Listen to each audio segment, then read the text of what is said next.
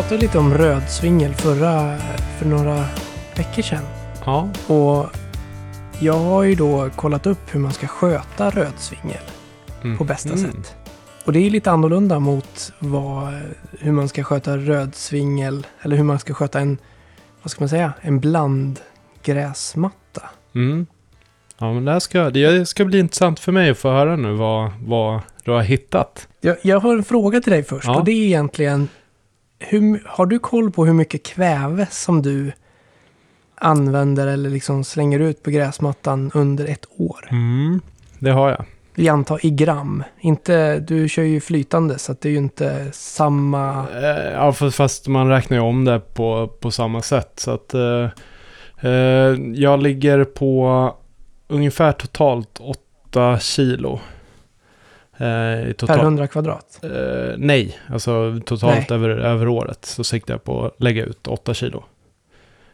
Totalt på hela din gräsmatta. Ja, exakt. Och vad blir det då per 100 kvadrat? 1, någonting eller?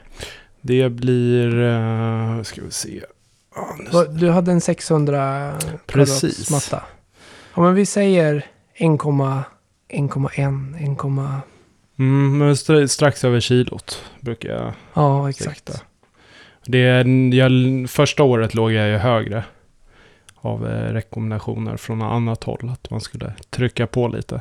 Det är ju det som sticker ut mest då i den här rödsvingelskötseln som, som jag har tagit fram eller som jag har hittat. Mm. Och det är max 500 gram per 500 gram kväve per 100 kvadratmeter gräsmatta per år Mm. när det gäller kväve då. Så det är ju ganska tydligt att den, att den kräver mindre kväve. Men jag tror också att det handlar om att man egentligen ska småsvälta gräsplantan lite och att den mår bättre av det. Den blir friskare liksom.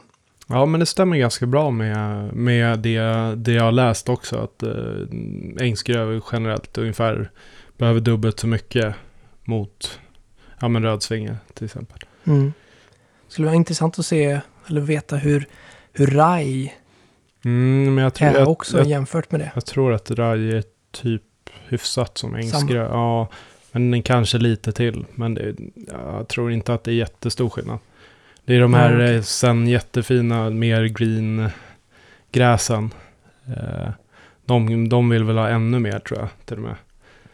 Eh, och det kan vi bara passa på nu när jag kom på det. Jag eh, ska rätta mig själv från förra podden. Jag sa ju att, eh, att jag hade en av de dyraste grässorterna. Och det är, jag tänkte på raj, rödsvingel och ängsgrö. Och av dem så är eh, ängsgrö dyrast. Sen finns det massa specialgrejer, men det är väl inte jättevanligt att man kastar ut det på tomten hur som helst. Om det inte är att man har plan att göra en egen grin.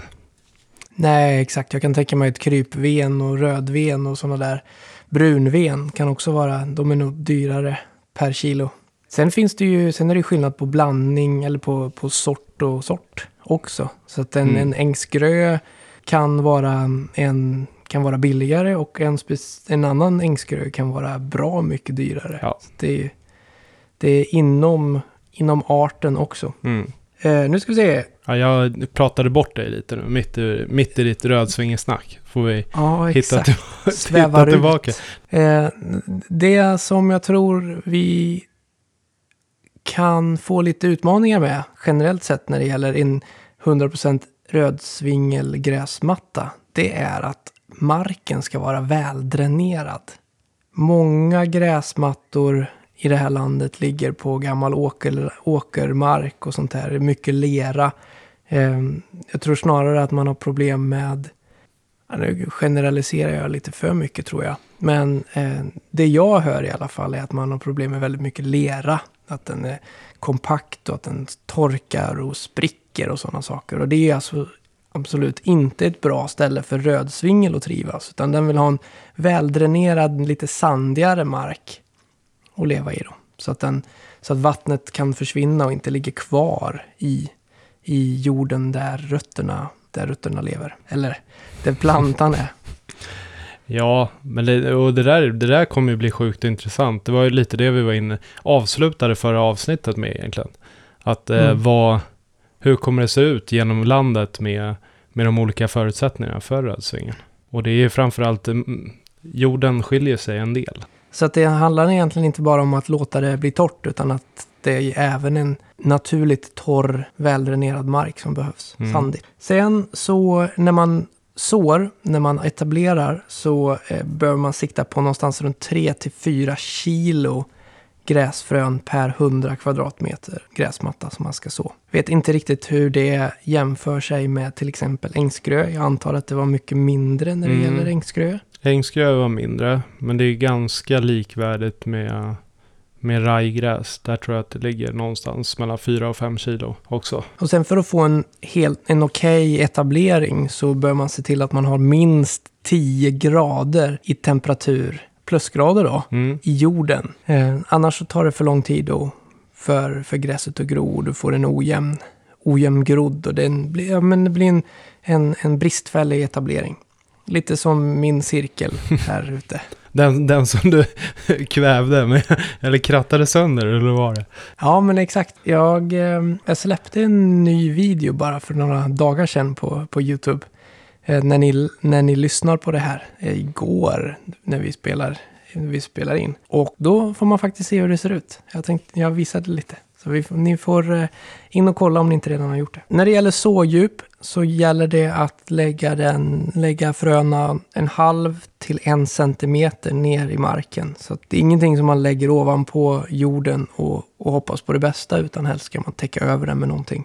Vet inte riktigt hur du, hur du gjorde med, med ängsgrön där. Jag försöker jämföra med din ängsgrö hela tiden, Mm. men Jag, jag hade faktiskt på torv på min tunt lager. Dels för att det var hyfsat varmt den perioden jag sådde och jag hade, jag, jag kollade lite på toppdress men jag, så här, jag insåg att så mycket liksom och så länge jag ska vattna så kommer det ändå liksom inte ligga kvar och täcka på rätt sätt. nej okej. Så därför valde jag att göra ett litet, ett litet täcke. Sen när det gäller eh, när man kan börja klippa. Det får jag förresten väldigt mycket frågor om just nu.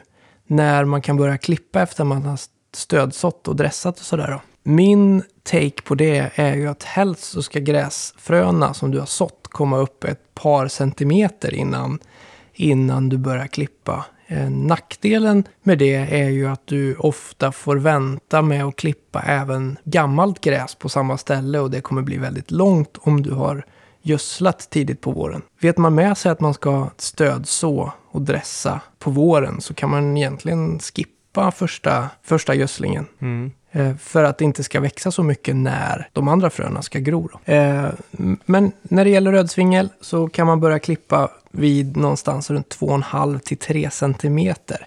Och det beror ju lite på vad man ska ha rödsvingen till. Om man ska ha den på fairway eller den på en, på en green. Alltså man kan ha golfgreener med rödsvingel. Ska man ha den hemma och klipper med rotorgräsklippare så tror jag att man skulle säkerligen kunna klara sig med att... Ehm, det skulle nog bara bli bra om man väntade lite till att den blev lite högre. Men som sagt, på golfbanor och sånt så bör man klippa eh, någonstans runt 2,5 till 3 centimeter. Mm. Ser man till att ha vassa knivar och har en cylinderklippare så tror jag att där passar det bra. Men just som du säger, rotorklippare, då ska man nog vara rätt försiktig i... För det, för det såg ju jag med mitt rajgräs som har kommit upp nu och det har ju kommit upp 3 centimeter.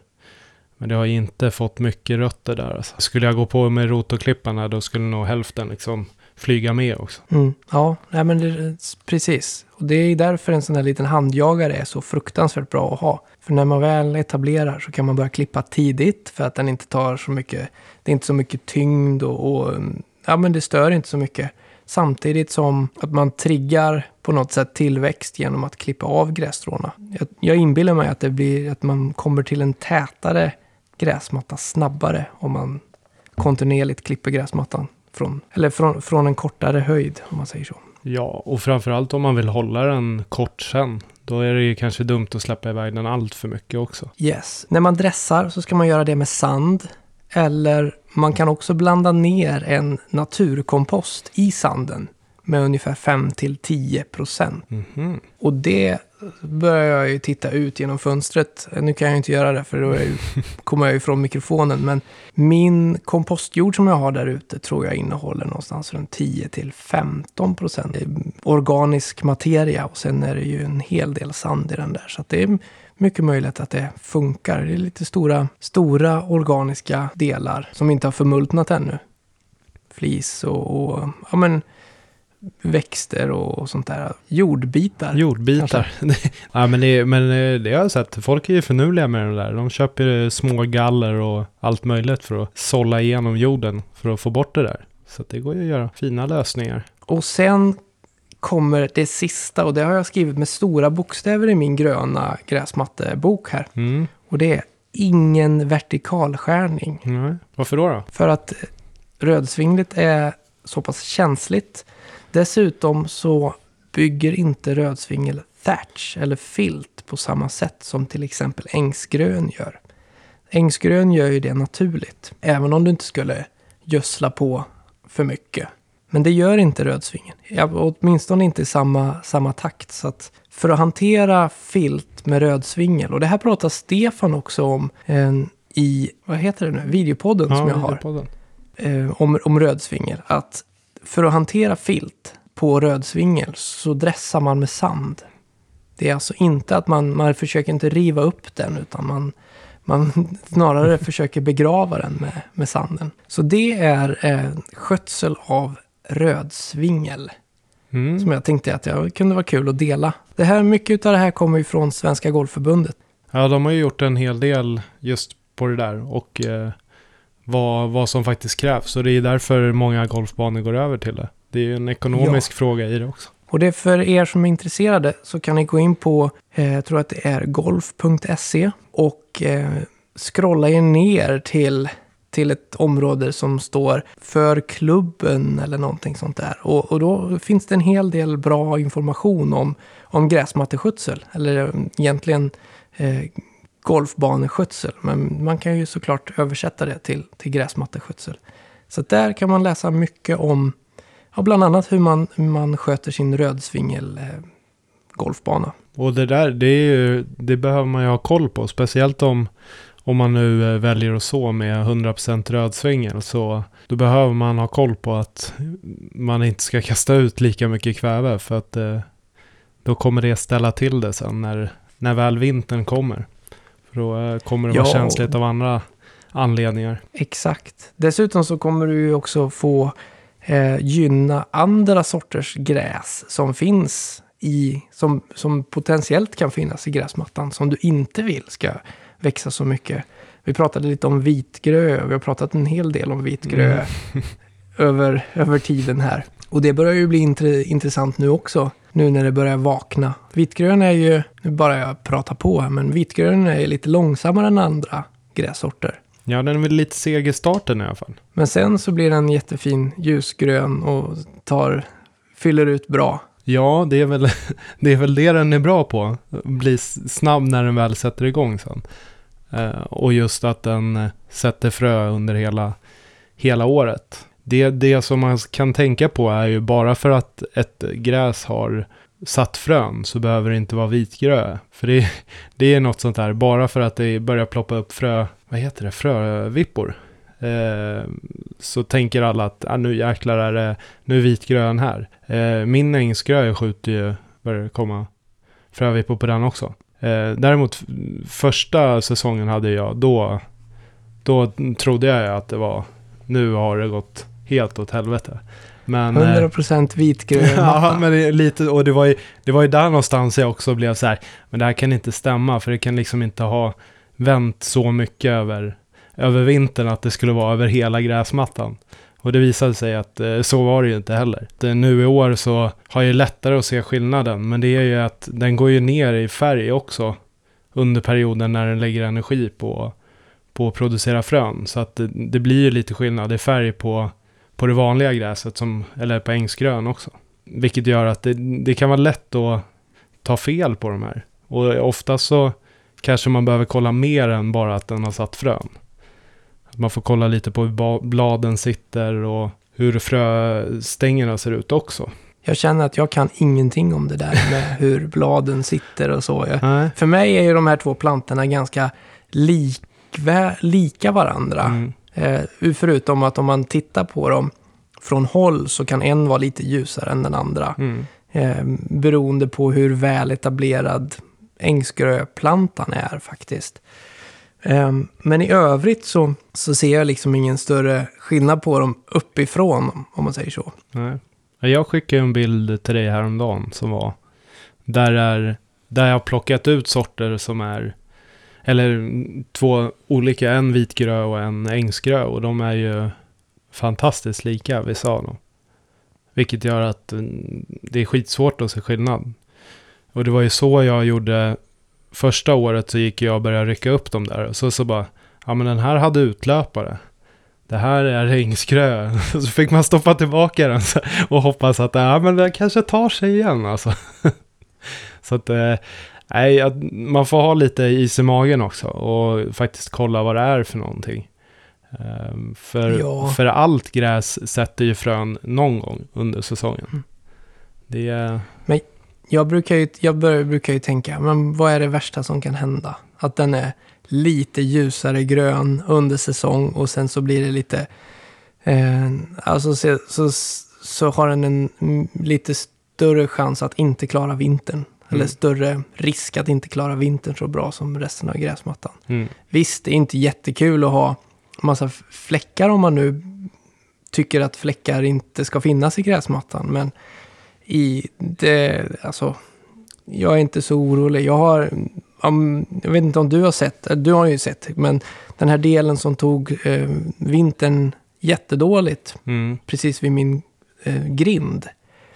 Den har ju kommit igång jättebra och jag, jag tänker mig att det är en hel del vitgröor där som, som har liksom tagit sig och, och fått ut ganska fina, fina ur ett storleksperspektiv områden som den täcker. Men alltså, så länge det täcker det så kan jag i så fall, om jag inte vill ha det, så kan jag lösa det i höst. Men nu, om jag skulle riva upp dem och försöka så om, så har jag ju jordplättar åtminstone en månad eller två framöver. mm. Så då känner jag att då är det väl lika bra att ha kvar dem grönt, även om det är fel sorts gräs, om man säger så. Ja, och är det någon gång vitgrön får problem så är det ju under de varma och torra månaderna. Så att eh, eh, det är då tillsammans med att den är känslig över vintern och kan bli eh, skadad där. Men det är får man ju också tänka, man kanske ska liksom, man behöver ju tänka när man gör sina renoveringar också. Eh, om man inte vill gynna vitgrön, för gör en renovering nu med mycket jordyta så kommer en, ge en möjlighet till den också om du börjar vattna. För det är, ju- den, den, den gillar ju gillar mycket vatten. Eller lite vatten men ofta. Så att eh, börjar du göra så som du gör när du ska så, då blir det ju exakt det. Du vill hålla mattan fuktig och det kommer ju gynna dels det fröet som du har sått, men det kommer ju också gynna alla frön som redan ligger och väntar. I den bästa av världar så får du ju, har du ju en van... Resten av gräsmattan har ju förhoppningsvis så, så djupa rötter att när du inte vattnar eller när du inte gödslar så ofta så, så kommer vitgröns rötter inte att nå och i så, på så sätt även eh, slå ut sig själv över sikt, eller Mm. på sikt då. Det är väl åtminstone den strategin som jag har här, att ju, ju mindre jag vattnar själv och ju mindre jag, jag gödslar, desto bättre blir det. Mm. Generellt sett. Mm. Så kommer det vara. Det är där vi får lägga fokus. Det är, det är ju det vi kan göra också. Det, det, finns, det finns inte så mycket annat att göra än att liksom fräsa upp den. Kommer, det kommer liksom... Har du redan fröna där så kommer det komma tillbaka. Det, är- Det hjälper ju inte att klippa kort heller direkt. Nej, det gör ju inte det. Eh, Det, det man kan vinna på där är väl att det för de flesta ser mer likadant ut. Än att ha stora, liksom långa plättar som är ljusgröna. Eh, Men det kommer ju fortfarande vara där. Men det är ju, du skickade en bild senast du var på golfbanan till mig. Ja, exakt. Eh, och den grinen är ju rätt full med vitgrö också. Vilket gör att kan inte proffsen som faktiskt är experter på det där lösa det, så då kanske inte det är där vi ska lägga energin på villagräsmattan heller. Nej, Alltså, exakt. Det, det är ju ett, ett gräs, det kunde ha varit värre. Mm. Det hade kunnat varit, eh, vad heter det? Det heter kvickrot. Ja, exakt. Ja. Så att eh, jag, jag tror liksom att man får lugna sig själv lite i, i vitgröpaniken och eh, det är den här perioden som det framförallt kanske kommer synas som mest. Sen så kan man ju, när du får igång det andra gräset i turbo så kommer, kommer det sprida sig. Jag läste en ganska intressant artikel om renovering av, av eh, griner. Och, och det var ju, det finns ju en standard som heter USGA-standard. Och det, vad det är på Robins lekmannamässiga beskrivning, definition, är ju att det, det är eh, en viss, an, alltså en, det är substrat med en viss fraktion, alltså storlek, och en viss blandning av jord kontra sand. Eh, uppbyggt på ett visst sätt. Alltså red, hela vägen från dräneringssten till, till gräset ovanpå på, gre- på grinen. Men det har inte alltid funnits och det har inte alltid varit så i, i Sverige, bland annat. Ehm, så vi har haft mycket griner på, på lera och på, på matjord. Och på de grinerna så, så är det ju oftast så att det är i princip bara väldigt mycket vitgrö som, som lever. Så det, det har ofta med, med den eh, konstellationen att göra. Ler, ler, eh, lerjord och eh, vitgrön eftersom att den inte dränerar så bra. Mm. Så det är ganska intressanta artiklar kring, kring renovering och, och hur, man, hur man kan påverka vitgröns invandring på, på gräs, på grinerna genom att ha rätt eh, förarbete, rätt såbädd. Mm. Ja, Eller rätt och fel, det, är inte, det finns ju inget som är rätt och fel, men en annan. anpassat. en anpassad, ja Ja. precis.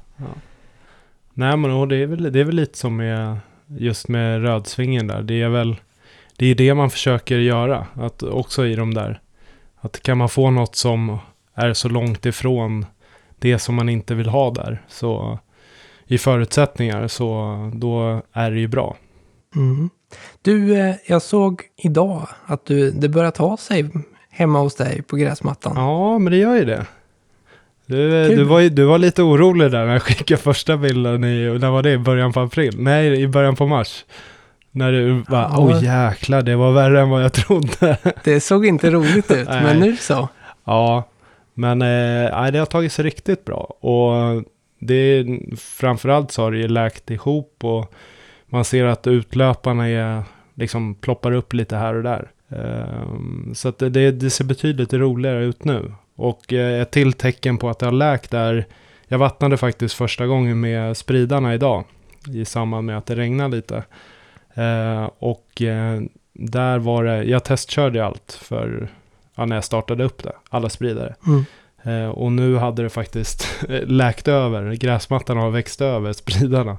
Jag har några som sitter Jaha. lågt, så att jag fick vara där och pilla bort gräset som hade, Som höll fast. eh, ja men det hade läkt ihop. Ja, exakt. Så det är också ett gott tecken på att det faktiskt fungerar som det ska, att den drar ihop sig. Och det är eh, en av anledningarna till att jag antagligen kommer få vertikalskära i höst sen. Mm. Säkerligen. Det ska bli kul att se. Jag får, komma, jag får komma dit med en spade och titta på, Gräva en Titta- mitt på titta på gräsmattan. filten. Gräva ett hål i, mitt Ja. på din gräsmatta för att kunna se. Ja, men det hade tagit sig bra hemma hos dig också så jag. tar sig jättebra. Mm. Det, går, det växer väldigt mycket nu. Eh, Det har ju varit ganska regnigt och sen så kommer det mycket sol och rätt vad det är så är det ganska varmt också. Så gräset växer ju ungefär en centimeter per dag nu. Så att det är helt galet. Eh, Det gör ju inte mig någonting. Jag får ju klippa ofta. Det är jättekul. Men det är väldigt mycket. Det klipps väldigt mycket. Det är mycket på bladet som, som klipps av. Jag klipper ju fortfarande eh, väldigt lågt mot för att vara jag.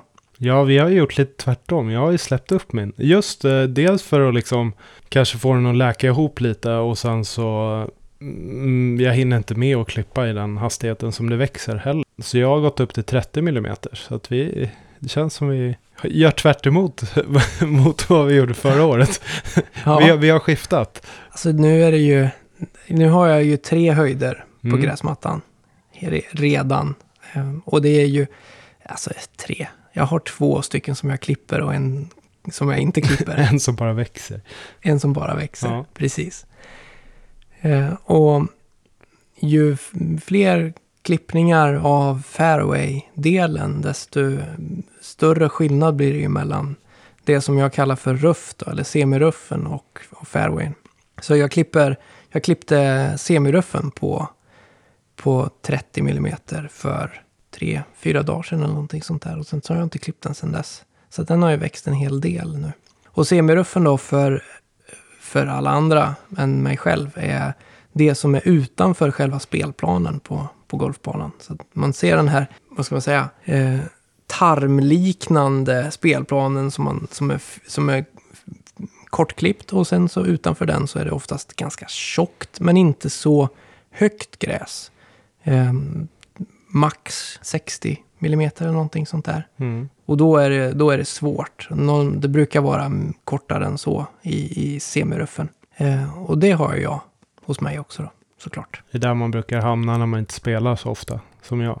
Då brukar man vara där ute mest hela tiden. När man inte är ute och slår, och slår högräs. Tanken med, med semiruffen är att den ska vara så pass... Det ska vara lätt att hitta bollen men det ska vara svårt att komma ur. Alltså du ska inte kunna, du ska inte kunna komma till grinen på, lika ett, på ett lika enkelt sätt som om du hade legat på fairway. För du ska alltid bli, belönas av bra, eh, för bra slag och eh, eh, få det svårt om du slår dåliga slag. Men apropå golf då. Det tar sig ordentligt även på golfbanorna. Eh, nu har jag ju spelat så pass ofta och frekvent så att jag har sett hur min gräsmatta har tagit sig jämfört med golfbanan och hur golfbanan såg ut i början och hur den ser ut nu. Och det är kul att se att alla gräsytor bara tjockar ihop och blir täta och fina och gröna och sådär. Så att det, ja, men det är jättekul att se. Mm. Vad klipper du din lägsta del på? Du fick aldrig komma så långt. 12 millimeter nu. 12? Ja jäklar alltså. Är Jag är inte säker på om jag vill gå kortare än så, för det är Nej. väldigt kort. Ja det är kort. Det är, då börjar man se allt som, som inte är jämnt också. Om man nu strävar efter att ha det jämnt. Men det är, Jag vill inte ha det jämnt, jag vill snarare ha det slätt. mm. Så att det gör ingenting om det är böljande, men så länge det inte är um, ojämnt. Ja, för att nu sa jag ju att Ja, du- det, så, så länge det inte blir ojämn klippning kan du säga. det, det, det behöver vara jämnt, men inte platt. Ja, Så kan vi säga. Mm. då är vi Det med. kan vara böljande Det och inte ojämnt, inte det buckligt. Obuckligt också. Stora bucklor, Ja. inte små. Nej. Det går bra. Mm. Gräsklipparen ska inte hoppa runt. Den, Nej. kan, den kan flyta runt, men Precis. inte hoppa. Följa men inte studsa. Det var, jag såg ju någon bild, jag vet faktiskt inte ens vem det var som, den kom upp på Instagram. Eh, då var det någon just som hade skrivit det att eh, eh, ängsgrögräset hade tagit över i blandningen. Det, där ska man ju tänka också, blir det så att man har en blandning där man märker att något gräs växer bättre, då kanske man också ska fokusera på att få det gräset att växa bättre. Precis som vi har pratat om tidigare att växer inte gräset alls på vissa platser då får vi kanske fundera på om vi ska göra en rabatt eller göra någonting annat där. Det kan ju vara en bra idé att inte försöka liksom mata in en sort som redan har blivit utkonkurrerad Nej, från den platsen. Då kan det vara bättre att låta den faktiskt som, som gillar att växa där, få växa där. Mm. Tänker Helt- jag. Helt rätt. Ja, men jag håller med. Helt, helt och Det, hållet. det, kan, det kan man ju gå ut och kolla i sin gräsmatta också. Kolla vad, vet du att du har en viss blandning, kolla vilka sorter av gräs som faktiskt tar sig där. För rödsvingel och ängsgrö är ju lätta att skilja på. Om man kollar. Det kommer vara, det kommer vara nålar eller det kommer vara båt, båtformade blad. Med en skåra i mitten. Jag tror generellt att det ängsgrön är ganska tacksam. Den, den tar, tar gärna över. Ja, i alla fall vissa delar skulle jag tro att det, det, det blir så många gånger.